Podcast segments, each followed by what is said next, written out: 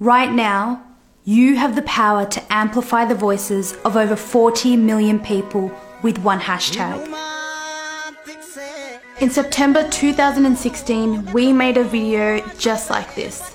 We wish we weren't doing this again. But here we are, and in the next few minutes, we're going to tell you exactly why. On the night of June 29th, Hachalu Hundessa, an iconic Oromo singer and activist, was assassinated in Addis Ababa, Ethiopia's capital. A city known to the Oromo as Finfinne. We don't know who pulled the trigger, but there are a lot of things that we do know.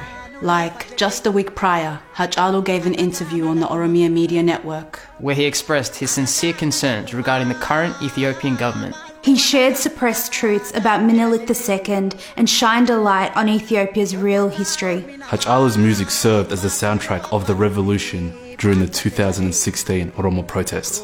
Songs that are a continuous reminder to the Oromo that they have the right to self determine their future. The Oromia Media Network was raided by the military one day after his death, and its journalists were arrested. Over a hundred people have been killed by security forces in three days. And with the internet shut down, It is impossible to know what is really going on in the country.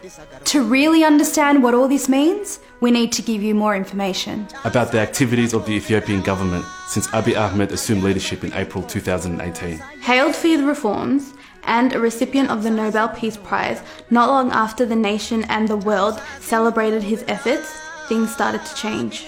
Opposition leaders who have legal standing to operate in Ethiopia were being arbitrarily arrested and remain so today. military command posts were set up.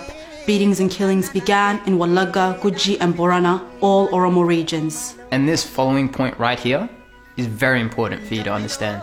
In a country that is supposed to be a constitutional multinational federation, Abiy dissolved the multinational structure of the government. An extremely worrisome development for the Oromo and all nations and nationalities in Ethiopia who seek self rule and self determination. What we have to remember is that Abiy Ahmed is not an elected leader. And he's made little effort to ensure free and fair elections since his appointment. It is in this context, and in the context of an Ethiopia that sees prominent Oromos murdered, that we assert that Hachalu Hundessa was assassinated. Over 40 million people are still in shock and in mourning.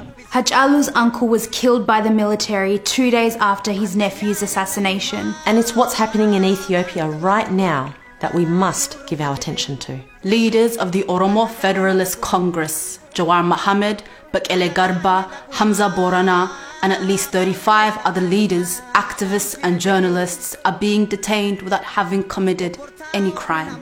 The Maekelawi prison, a notorious torture chamber that Abiy closed. As part of his initial reform, is where these leaders are currently being illegally held. We know they've been physically assaulted while detained. Jawar is on a hunger strike and Bekele is very ill.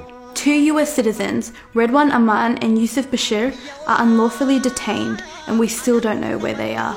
We all anticipated a national reconciliation process to take place when Abiy assumed his position. It could have happened.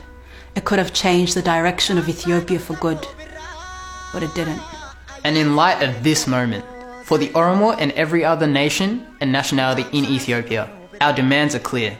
An independent external investigation into Hachalu Hundessa's assassination. The immediate resignation of Prime Minister Abiy Ahmed. The end of extrajudicial killings of civilians. The release of all political prisoners. Free and fair elections in 2020. An end to the internet and phone line shutdown. And finally, we demand that the international community impose immediate sanctions on Ethiopia if these demands are not met. We will no longer be satisfied with symbolic victories. The Oromo demand real justice. I am Oromo. We, are Oromo. I stand With Oromo protests. Do you?